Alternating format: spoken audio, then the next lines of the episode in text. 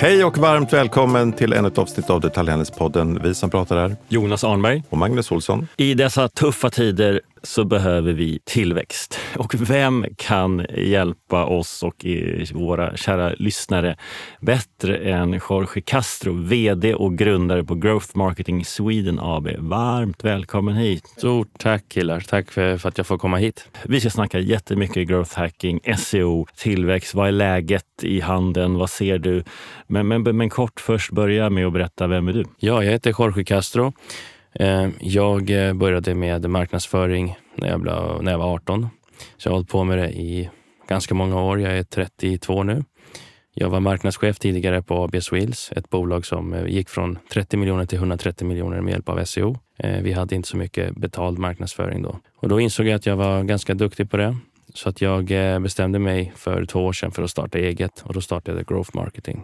Och idag jobbar vi med allt från bolag i 50 miljoners klassen upp till miljardbolaget. Och du är ju också poddare och man kan nu lyssna på dig i The Growth Hacker. Men du har haft flera poddar och också ett eh, väldigt välbesökt livepoddavsnitt på The Congress senast. Mm, det stämmer. Det var The Growth Hacker. Eh, det är den senaste podden som har kommit. Då. Ehm, och tidigare så drev jag eh, e-commerce hackers tillsammans med Fedja och det gjorde vi 20 avsnitt som vi lanserade på ehandel.se. Och det var väldigt uppskattat, men vi la ner. Det blev lite som ABBA. Vi, vi är vänner och så, men vi tog slut på idéer. Det fanns inte så mycket att prata om. Alla väntar på återföreningen. Ja.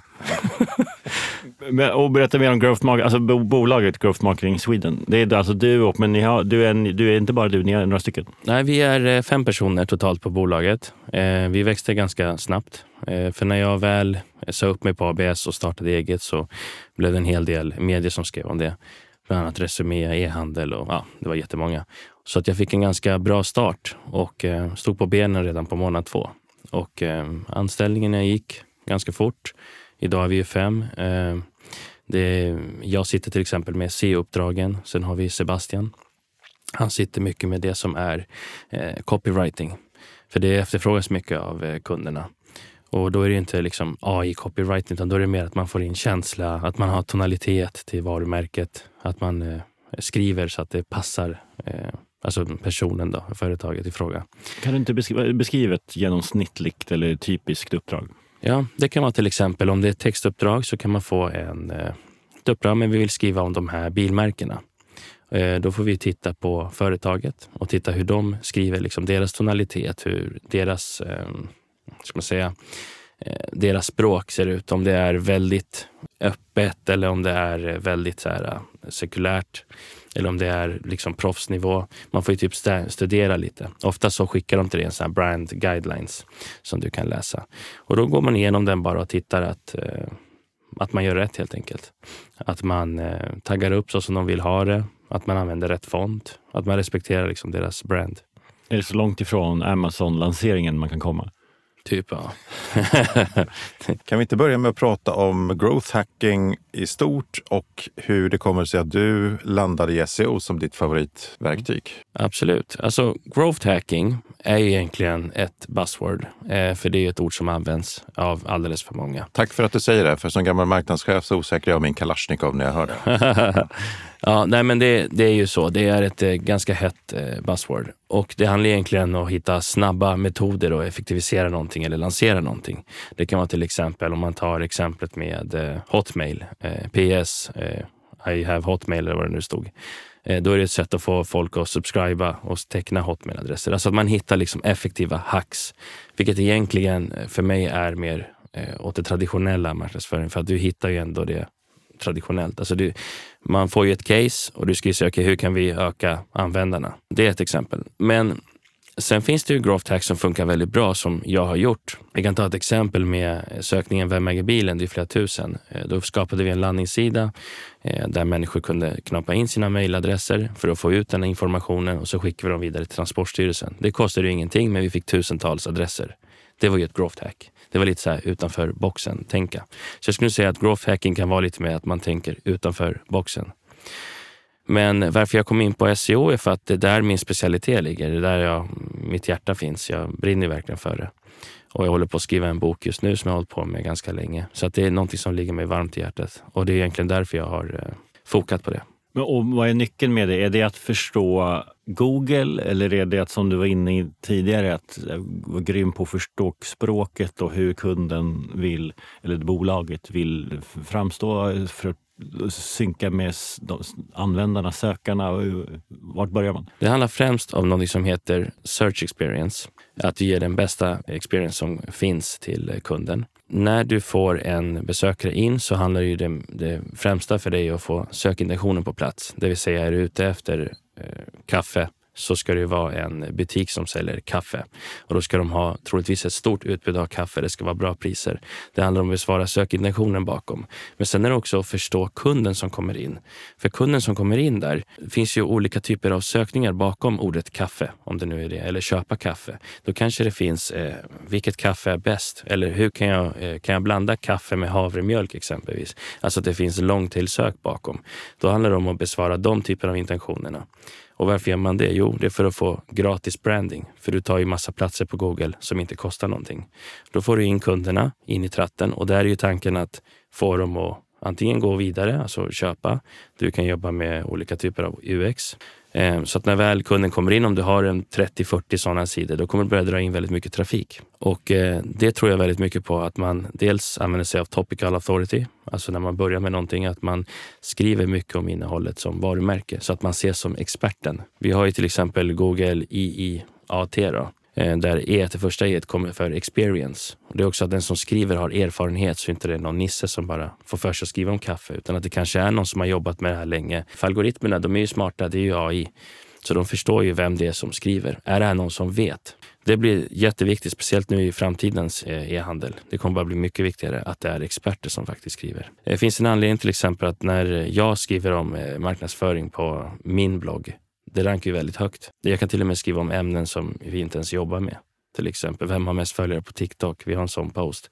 Då rankar vi i topp ett. Och det har att göra med att Google ser mig som en expert inom det området, alltså SEO. Då. Sen så eh, tänker jag att nu när det kommer ju det här med SGE som kommer släppas, eller börjar släppas i USA. Det? det står för Search Generative Experience och det är egentligen att Google tar över mycket av söket. Det vill säga att du söker till exempel billigaste flygresan så kommer det komma upp ett förslag, alltså ett AI-svar från Google. Här är den billigaste flygresan. Eh, så kan du få liksom en chatt uppåt där du kan ställa följdfrågor. Så de tar över mycket av den eh, resan. Hela liksom Price Runner och... Ja, inte, inte eh, helt och hållet. De hämtar ju data någonstans ifrån. Men om du till exempel ställer en fråga, typ hur kan jag måla ett bord exempelvis? Då kommer ju den troligtvis att kunna besvara det till dig. Men den har ju fortfarande källor vart den har fått informationen från. Så det blir också viktigt för dig som expert eller som den som publicerar att faktiskt aktivt besvara de här longtail-söken. Happy Home som vill sälja den färgen? Ja, för att om det är så att du vill synas högt nu så behöver du också besvara mycket inom longtail. För röstsök blir ju vanligt och då är det inte det här att man skriver kaffe utan då är det typ Hej Siri, vart köper jag billigast kaffe idag? Då har du en longtail. Där kommer ju troligtvis AI spela en stor roll när det släpper det här SGE och då kommer du få svar på. De här butikerna finns baserat på din location. Nu pratar jag framtid, alltså vart du är. Bor du i Solna så kommer du få in eh, de bästa, snabbaste, billigaste butikerna i Solna. Så att söket kommer att bli mycket smartare. Därför är det viktigt för de som jobbar nu med SEO att tänka mer effektivt. Alltså att jobba som dels Eh, inom eh, experience-området. Att när du skriver, bara se till att skriva det du faktiskt är expert på. Om det är så att det är en kund som eh, har, ta någon som säljer t-shirtar. Då är det viktigt att den personen täcker, eller företaget täcker allt inom t-shirtar. Hur tillverkas det? Hur stryker jag en t-shirt? Hur viker jag en t-shirt? Alltså att man får in all typ av information som går att täcka så brett som möjligt. För det kommer göra att du ses som en topical authority. Så long-tail search handlar egentligen om att täcka in alla områden runt ett objekt för Precis. att få så många lager som möjligt och svara på, eller vara, få en träff på, i så många sammanhang som möjligt som rör produkten. Ja, absolut. För att det där det kommer liksom brandingen. Och vad tar det steget efter då? För det är där jag får mycket sådana frågor av kunder. Jo, men vi, vi säljer kaffe. Vi tar det exemplet nu. Varför ska jag synas på Vad är mörkrött? Rostat kaffe till exempel? Då får du förklara ju att men här är bra för att synas för att ni har ju den produkten, men den är lite längre ner i fannen. Men det är folk som faktiskt frågar efter det här. Då kanske man skapar en landningssida och då är det viktigt att när du skapar den sidan att du använder dig av rätt färger, alltså att du använder bolagets färger. För det handlar om identitet så att man känner igen sig. Om ni blundar nu så, och jag säger Ikea, då vet ni ju hur eh, färgerna ser ut. Samma sak med att du använder rätt eh, font. Alltså att loggan är på rätt plats. Alla de här små sakerna som påminner om startsidan, alltså själva e-handelssidan. Det skulle jag säga är viktigt. Men hur ställer man det här i relation till andra möjligheter att skapa trafik? Som beslutsfattare inom handeln så är det ju inte bara du som ringer utan det är Facebook-experter, det är eh, CRM-experter, det är liksom alla känner sig kallade att skapa tillväxt. Varför och när ska man jobba med SEO? SEO är ju den delen som jag brukar säga, the free traffic. Sen har du den betalda delen. Den betalda delen, vi kan ta Google Ads som exempelvis. Den är väldigt bra för där kan du mäta, okej okay, om jag lägger 100 spänn, hur mycket får jag tillbaka av det här? Det är något helt annat. Och om du jobbar till exempel med långtidssökord, oftast har du det på en blogg eller en nyhetssida. De sidorna jobbar helt för sig. De ska du inte skicka annonser på utan de eh, grabbar ju the free traffic. Oftast är det ingen som heller annonserar på de här eh, längre typerna av sök. Men om du då har eh, det betalda söket korrelerat till det här, då kan du jobba det med till exempel money keywords, alltså sådana sökord som faktiskt genererar intäkter. Till exempel som har en purchase intent bakom. Eh, köpa kaffe exempelvis. Eller vilket kaffe smakar bäst? Det är en informational eh, keyword. Så det finns lite olika sådana. Eh, det viktigaste är ju återigen sökintentionen. Men om du använder dig av eh, många systerord kopplat till det så kommer det ses som en topical authority. Det är lättare för dig att optimera uppåt så att du rankar högre på de här eh, köptermerna. Men du vet hur man gör rätt då? Det kräver ju att man jobbar med SEO eh, för att förstå det. Eh, det är väldigt svårt att bara eh, som lekman sätta sig och publicera. För det händer ju mycket. Många case som kommer in, oftast är det miljardbolagen som har redaktörer, kommer in till oss och ja, men vi har lagt jättemycket pengar på det här eller vi har hyrt det här copywritingföretaget och vi har jättemycket artiklar men ingenting rankar. Då är det så okej, okay, men har ni jobbat datadrivet? Har ni faktiskt tittat att när folk skriver den här sökfrasen, att det finns data bakom som styrker att det är så här folk söker, så här många är det per månad. Den, den datan missar ju folk och då skriver man bara för att det ska se snyggt ut på bloggen. Eller man skriver så här, jag tror att folk gillar det här. Eller vi får de här frågorna på kundtjänsten och så publicerar de, men det finns ingen data som styrker det. Då blir det egentligen zombiesidor. Vad, vad är poängen med, är datan nyckel för att SEO ska lyckas gentemot Google? Ja, alltså det är för att jobba datadrivet. Om du tänker att du har 100 inlägg och du vet att de här 100 ställer folk frågor på. Det finns 500 som söker det här månadsvis, 200 söker det, 1000 söker det. Det blir jättemycket när du väl har publicerat allt. Om du då har jobbat datadrivet så blir allt det här trafik till dig. Men om du inte jobbar datadrivet och skriver utifrån hjärtat eller vad du tror att folk kommer att söka, då skjuter du lite fel i benet. För att det skapar också ett problem sen när du ska jobba rätt. Så zombiesidor är inte heller bra. Ibland händer det att det kommer in case, de har lagt jättemycket pengar på content. Jag säger, ja, men vill ni behålla det, fine, det kan vara jättefina guider, absolut. Men vi sätter no index follow. Det är ett attribut som egentligen talar om för Google att ni kan följa det här, men jag vill inte att ni indexerar det här. Och då finns det för konsumenten, fine. Men om det är så att vi ser att ja, men den här kan vi modifiera lite, vi kanske kan ändra titeln och ja, fan, sökintentionen finns ju ändå om vi bara lyfter fram eh, svaret längst ner, längst upp. Då kan vi säga, ah, okej, okay, då kommer det här kunna dra in data om kanske två, tre månader. Så att det gäller hela tiden att jobba datadrivet. Otroligt spännande. Hur, vad, vad är din analys av min fördom eh, är ju att eh, det är framförallt nya bolag, techaktörer, D2C och liksom, så, som har, börjat, har blivit duktiga på det här. Mm. Och, men vad händer med liksom old school retail? Det känns som de har musklerna och har ju innehållet när de hajar. Hur, hur ligger landet? Det är det som är så bra med just retail old school. För det är det, de gillar jag mest, det är de typerna av uppdrag. För de har ju redan så mycket data från innan. Så om du tänker dig ett retailföretag som kommer in. Eh, de kanske inte har jättemycket trafik, men de har oftast jättegamla plattformar de har suttit på. Det kan vara till exempel att de inte har optimerat eh, sin webbsida, alltså ur ett tekniskt SEO-perspektiv. Det kan vara till exempel att ja, men de har ett eh, custombygge i PHP.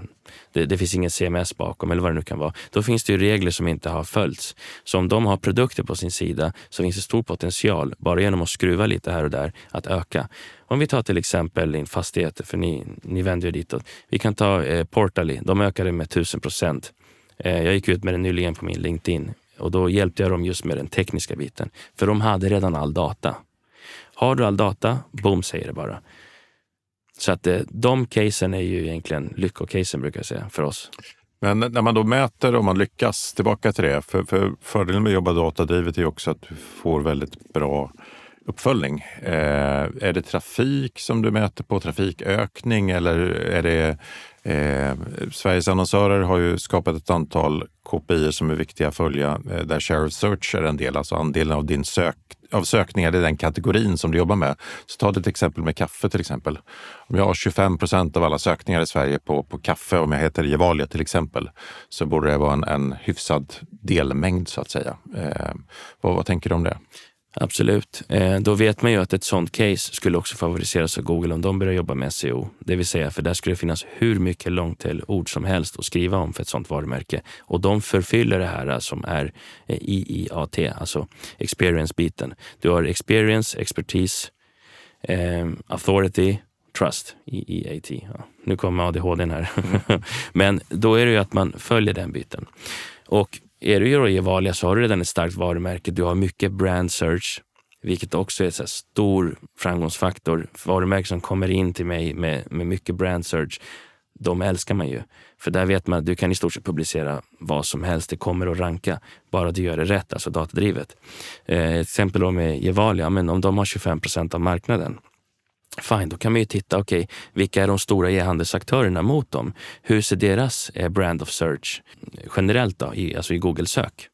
Då kan man ju se kanske att eh, de kanske inte är så stora just organiskt. Då kan man ju jobba med det. Så att det, går, det finns ju potential, absolut. Ditt bolag heter Growth Marketing och, och förr eller senare så kommer ett bolag till någon form av mognadsnivå. Hur jobbar man med SEO då, när, det liksom, när man har så stor andel av marknaden att det är svårt att att växa mer därför att det finns ett motstånd. Och, och, om man tar ICA till exempel som har 50 procent eller hade 50 procent av marknaden. För dem är det väldigt tufft att växa utöver det. Och det, så ser det ut inom alla branscher egentligen, att det finns en naturlig eh, platå. Mm. Eh, hur, hur, hur, växlar man om då? Mm. Vi har faktiskt ett sånt case och det, det är en bra fråga. För att de här casen när du har så pass mycket, oftast rankar ju de i stort sett ett, två eller tre på i stort sett alla sökord. Det man gör är att man tittar overall, det finns verktyg som Semrush, då tittar man på competitors. Det vill säga sådana som håller på att växa snabbt, sådana som håller på att ta fart, eh, eller sådana som eh, har eh, funnits eh, ett tag men nu börjar deras SEO att växa.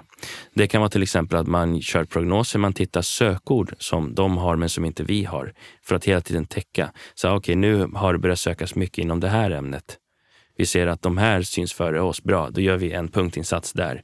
Att man hela tiden letar efter punktinsatser för att bibehålla sin position.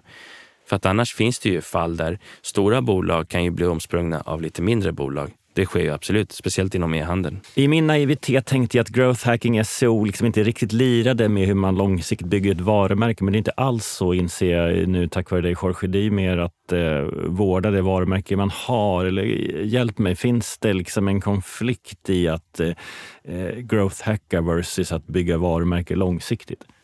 Ja, det kan uppstå konflikter eh, och det har ju också hänt ibland. Då får man ju oftast prata med marknadsteamet. Vi hade ett sånt case där vi eh, inte ville ha ett skript på vissa poster som vi skapade åt ett företag.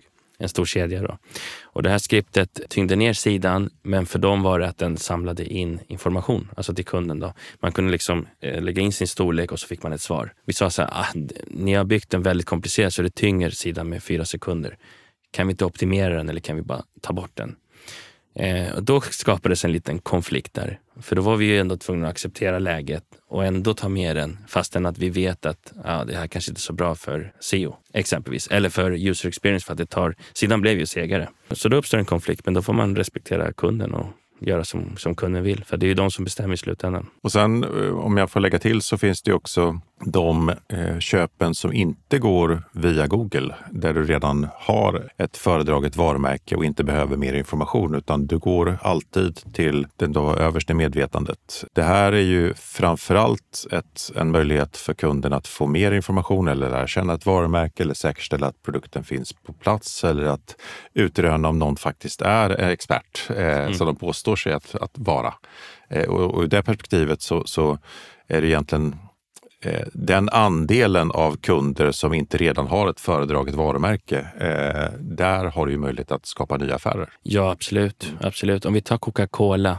Eh, du vet ju redan att Coca-Cola är bra. De är så pass stora. Du vet att du kan hitta det i stort sett överallt. Du kommer inte gå in på Google och googla Coca-Cola eller Coca-Cola near me eller nära mig eller vad det nu är. För du vet att det finns överallt. Det är ett sånt case som eh, jag tror inte det skulle gå att optimera så mycket där. Däremot skulle man kunna hitta kanske andra typer av sökord.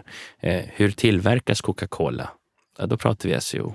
För du vill ju inte att Pepsi rankar för eller att någon, någon blogg eller någon artikel på någon tidning tar med. Till exempel så tillverkas Coca-Cola, utan du vill ju äga hela resan. Jorge, sjukt spännande. Eh, jag tänker att det är dags att gå över och prata lite grann hur det går för kunderna där ute. Och eh, du behöver inte nödvändigtvis prata om dina kunder. Du får gärna skvallra om eh, livet i stort. Och vi ser ju att e-handeln har först exploderat upp som en raket under pandemin. Det är betydligt tuffare nu. Handeln hackar, e-handeln har det tufft. Vad händer? Konsumenterna, dels inom B2C, de eh, har börjat mera och dels kolla priser. Det har blivit ett större segment där. Eh, de konsumenterna också i synnerhet lider just nu på grund av inflation. Eh, mycket, många av dem. Eh, det har ju varit det här med covid. Så det har ju varit många faktorer som har gjort att e-handeln har tappat lite. Jag ser också till exempel i olika verktyg, om vi tar Ahrefs eh, söktrender. Till exempel någonting som söktes kanske för ett år sedan har börjat dala lite mer nu. Eh, sällanköpvaror till exempel har jag sett många kategorier som söks mindre. Och eh, det är av naturliga skäl, I, I guess. Men när de söks mindre så blir det också mindre sök in till kundens webbutik. Nu, eh, tack och lov, så har vi inget sånt case som tappar trafik, utan alla ökar ju. Men man ser ju också att många som har ökat säljer inte lika mycket. Eh, och det är just inom segmentet sällanköpvaror. Till exempel om du ska ha eh, dyr utrustning till bilen. Eh, då kommer du ju nu kanske att tänka dig för, men behöver jag ha den här högtalaren för 40 000 eller kan jag vänta lite? Just de typerna av sök eh, har minskat ner. Men sen finns det också fall som tar Louis Vuitton. De har ju ökat jättemycket och det är dyra märkesväskor. Ja, men lyxsegmentet är liksom alltid extremt och just nu känns det som att den stora, enormt stora trenden är ju budget såklart. Men lyx tycks ju växa hyfsat okej. Okay. Men, men uppfattar du att, att kunderna har ett annat förköpsbeteende kopplat till, till Google? Eh, kollar man priset först i större utsträckning? Absolut. Jag skulle nog säga eh, priset, ja inte alltid, men man tittar upp företag. Man kollar upp företaget. Vem är det man ska handla av? Eh, många kollar ju omdömen, man kollar pris, eh, mycket av känslan. Man har ju de olika generationerna, till exempel generation Z och de här, de börjar ju så ofta sina resor på TikTok. De inspireras ju av de som har haft någon video eller visar någon produkt. Ehm, så att det ändras väldigt mycket, det här köpbeteendet. Men som eh, företagare, du som jobbar med till exempel e-handel eller har, syns på nätet, du vill ju automatiskt satsa på SEO nu. Eh, speciellt nu när AI-bilden kommer in. Eh, alla vet ju att e-handlare är lite halvt lata när det kommer till att producera saker själva. Om man tar till exempel eh, content. Eh, det finns ju nu ChatGPT, bra verktyg för att skapa. Där kan du egentligen modifiera och få ut väldigt bra. Om du sätter, ställer in bra prompts eh, och vet hur du gör så kan du få ut väldigt bra texter det gäller att satsa nu.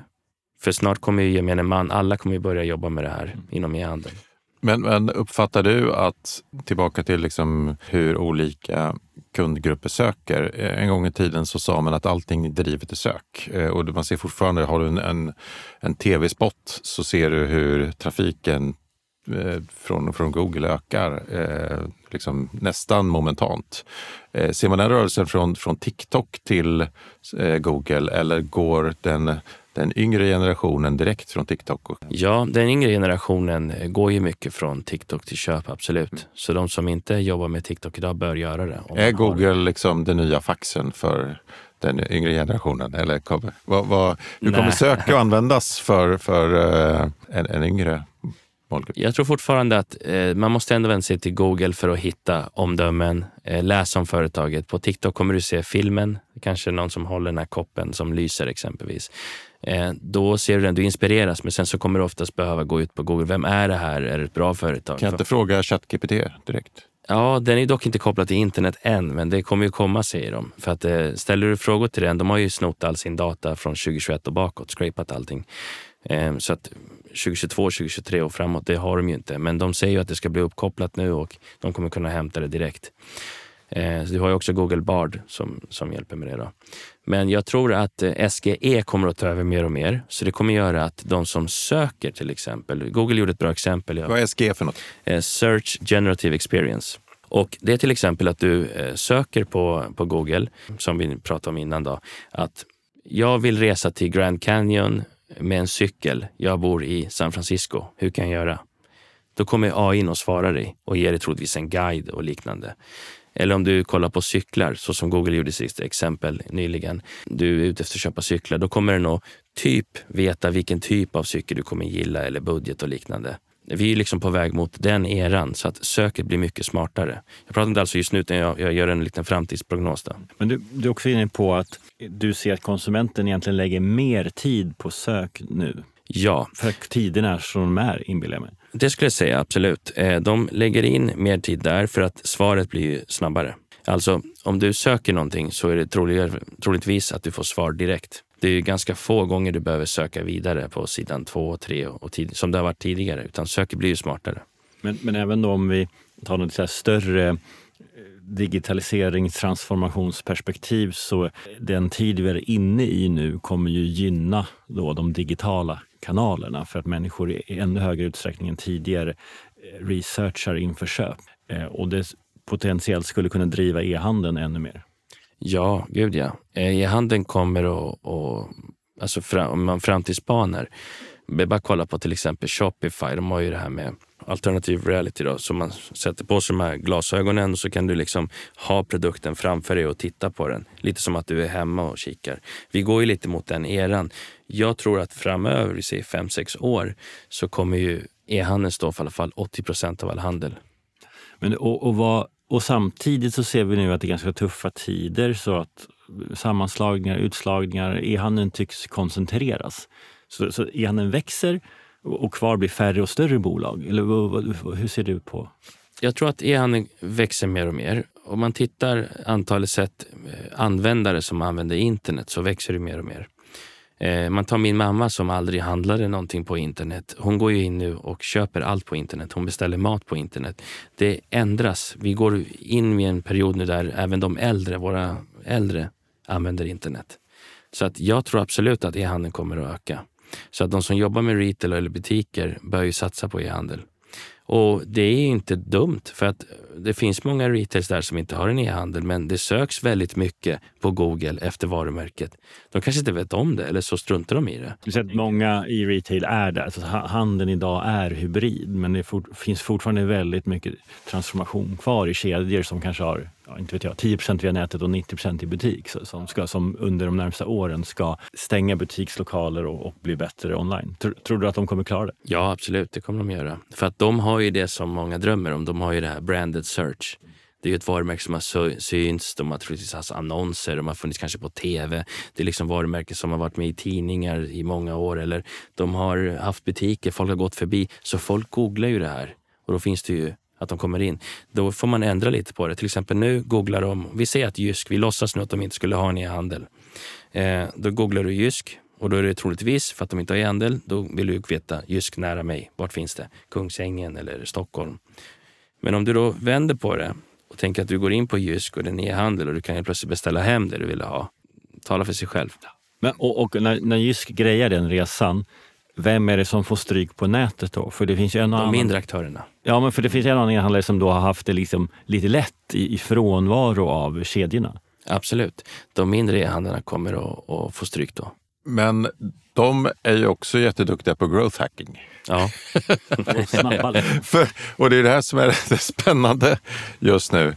Att eh, å ena sidan så har ett segment vuxit snabbt men är fortfarande lite sårbart för det är lite tunt i kassan och det kostar lite pengar att investera sig till framgång. Och sen så kommer de här gamla elefanterna som har varit sena på bollen eh, är det, och, och liksom ger sig in i det digitala på riktigt och med liksom en, en body som de små inte har och inte har hunnit bygga. Vad, vad ser du framför dig liksom de kommande åren i, i konkurrensen? och vad är det som gör, för du sitter här och berättar hur man gör nu. Det betyder att alla kommer att göra som du säger eh, och, och ställa de här frågorna för att få fler lager på, på söken och hitta liksom allt det. Vad är det som är skillnaden som gör skillnaden nu de kommande åren tror du? Mm. Om vi börjar, det finns två faktorer här. Om vi tar till exempel det stora varumärket. Då har de en ganska tung eh, eh profil av länkar. Det betyder att de har en stark domän, så automatiskt värderas de högre av Google. Om då, vi tar exempel med Jysk då, som vi hittar på. Eh, om de då säljer en säng som Jysk tar fram, då är det Jysk branded search. Det vill säga sängen kanske heter Continental X5 och den tillverkas bara av Jysk. Då kommer de äga söket. Inga konstigheter. Men om de har en produkt i sin butik som också Elon har eller vi tar Rusta har, då skapas ju konkurrens. Och då handlar det om vem presterar eller vem servar search intent bäst? Search intent står för sökintention. Vem ger den bästa upplevelsen till kunden? Där mäter ju Googles algoritmer. Till exempel, det kan vara pris. Det kan vara eh, filtreringar på sidan. Det kan vara hur de har lagt upp, om det är bästsäljarna högst upp eller om det är vem har smidigast kassa, eh, betalflöden. Det är jättemånga olika faktorer. Och här gäller det då som expert att komma in och försöka tänka, okej, okay, vad är det som gör att de här säljer mer eller de här får den platsen? Ibland kan det vara så enkelt att eh, man kan använda sig av lite SEO-hacks till exempel. Vi hade ett case nu, de säljer fastighetsboxar och då finns det ju två stora gamla aktörer som har funnits länge. De säljer till eh, Stockholm kommun och allt möjligt. Jättestora. Och då var det så, okej, okay, hur ska det här lilla företaget slå dem? Då fanns det lite SEO-hack där. Man såg till exempel att de var ju dinosaurier i stort sett inom digitala resan. Men de andra hade ju ett annat digitalt tänk, så då kunde man snabbt få upp search intent. Det vill säga, folk vill ju veta, är varan i lager? Då ändrar vi det snabbt så det blev synligt. Då syns det, okej, okay, den här finns i, i lager. Eh, hur många artiklar finns det? För folk vill oftast beställa batchar, flera. Alltså att man tänker liksom, okay, hur kan vi besvara sökintentionen? Så där kommer det skapas ett krig mellan de mindre och de större. Vem servar intentionen bäst? De yngre kanske tävlar med att de har, eh, yngre, de menar mindre då, de tävlar kanske med att de kan eh, leverera samma dag. De kommer hem till dig med leveransen. Det kan vara en intention som besvaras. Om det är någon produkt som folk vill ha här och nu. Så att det, det beror på lite. Du, när du var på D-Congress, vi var ju båda två Detaljhandelspodden och eh, The Growth Hacker på eh, livescenen där på fantastiska D-Congress. Eh, du blev överöst av förfrågningar efteråt. Vad, vad ville man ha? Mycket var framtiden. Eh, många ställde, vad kommer hända? Kommer söket att dö? var några som frågade. Just för det här med AI. I och med att eh, alla tror ju att ah, människor ska vända sig till ChatGPT, men Mm, det går ju inte. Alltså Google äger 85 procent, i alla fall sist jag läste, av söket.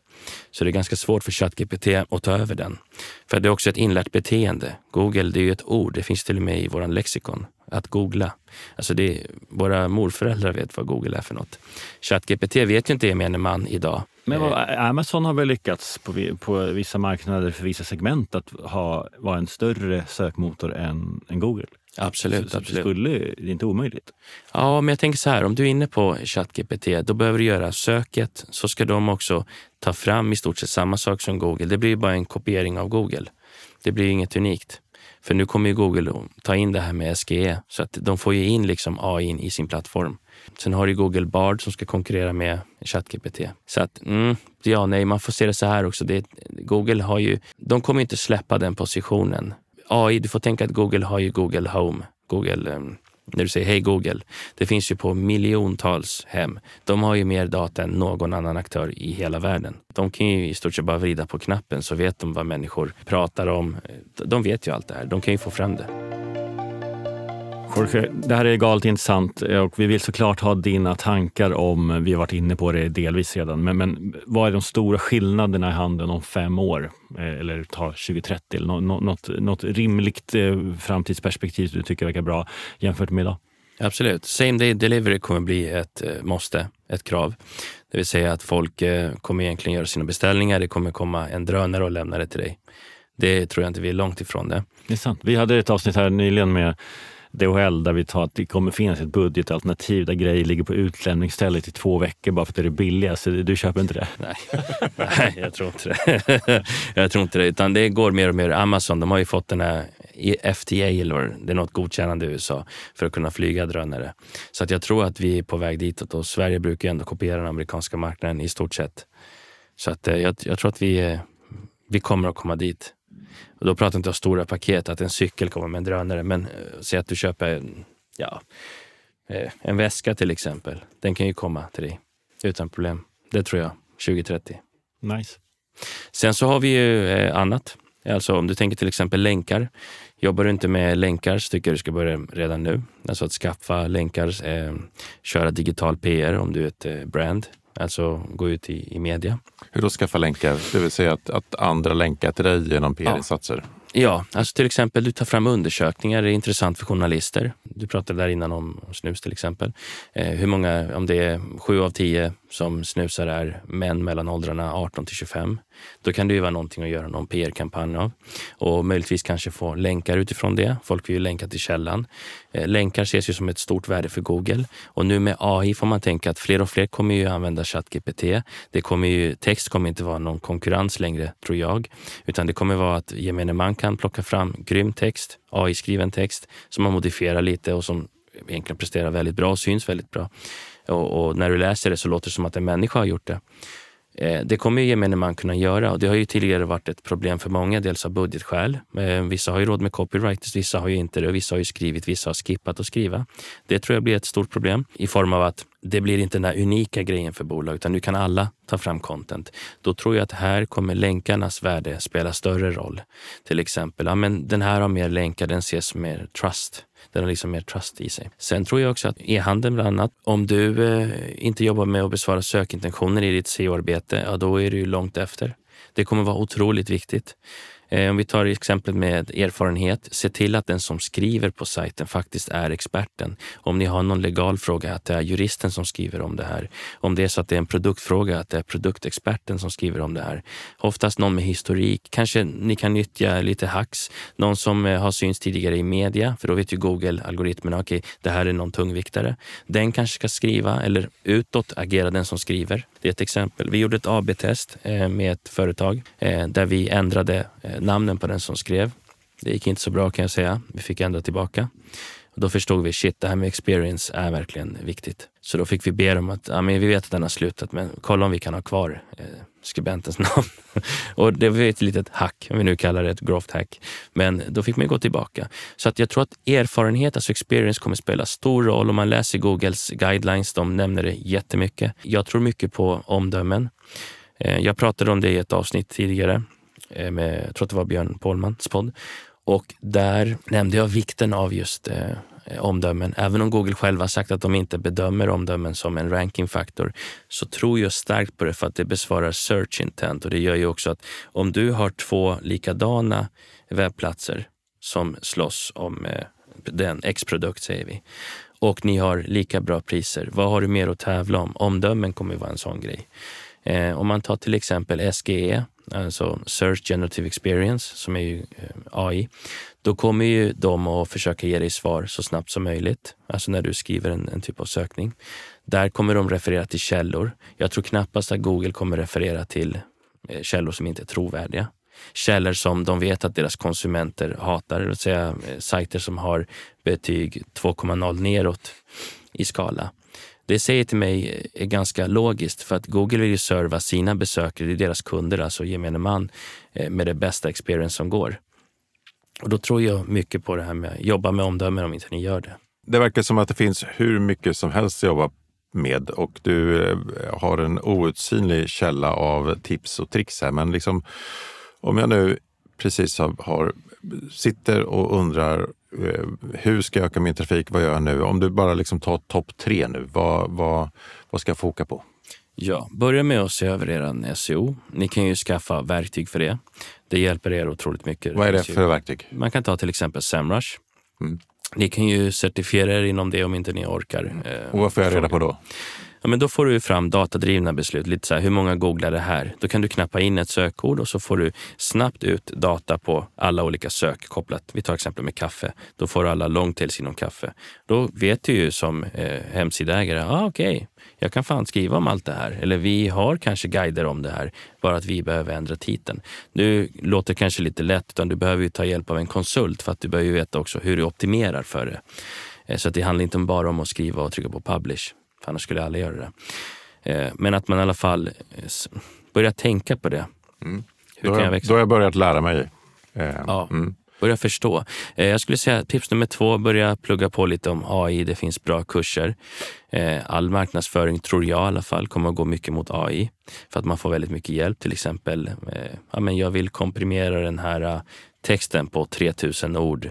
Kan du sammanfatta den? Exempelvis när jag eh, ska utbilda mig inom någonting eller ett nytt ämne som jag tycker är intressant. Då behöver jag inte längre läsa eh, flera tusen ord utan då slänger jag bara in det och så får jag ut en sammanfattning. Och så har jag förstått, okej, okay, det är det här jag behöver veta.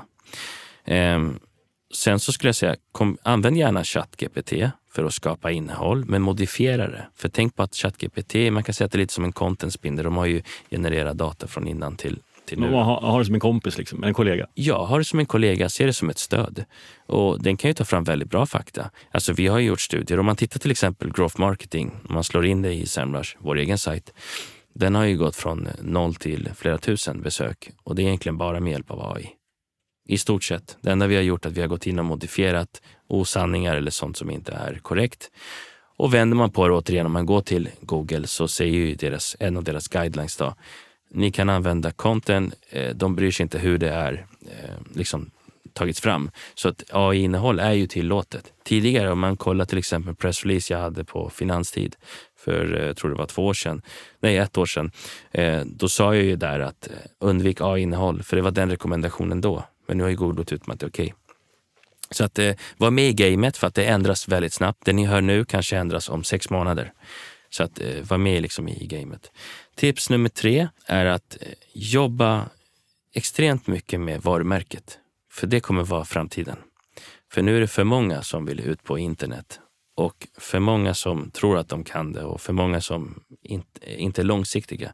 Utan kör långsiktighet i ditt arbete jobba mycket med varumärke. Till exempel om du har ett sökord som du vet är populärt, ditt varumärke. Om du slår upp det på Google idag och tittar, är det någon som köper mitt namn? För det förekommer jättemycket. Då finns det faktiskt någonting du kan göra. Du kan skicka en trademarkansökan till Google, kostar ingenting. Det tar fem minuter att fylla i. Det gäller bara att veta hur du gör det.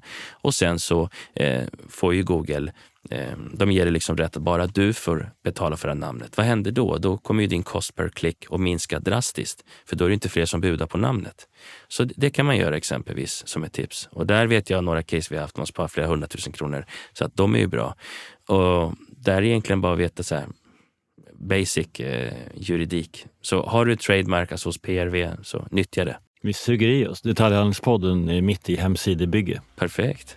Eh, jädrar vad vi ska få eh, besökare. Ja, snyggt. Härligt. Stort tack Jorge Castro, VD och grundare för Growth Marketing Sweden AB för att du kom hit och delade med dig av din, dina kunskaper och eh, erfarenhet inom SEM och mycket mer.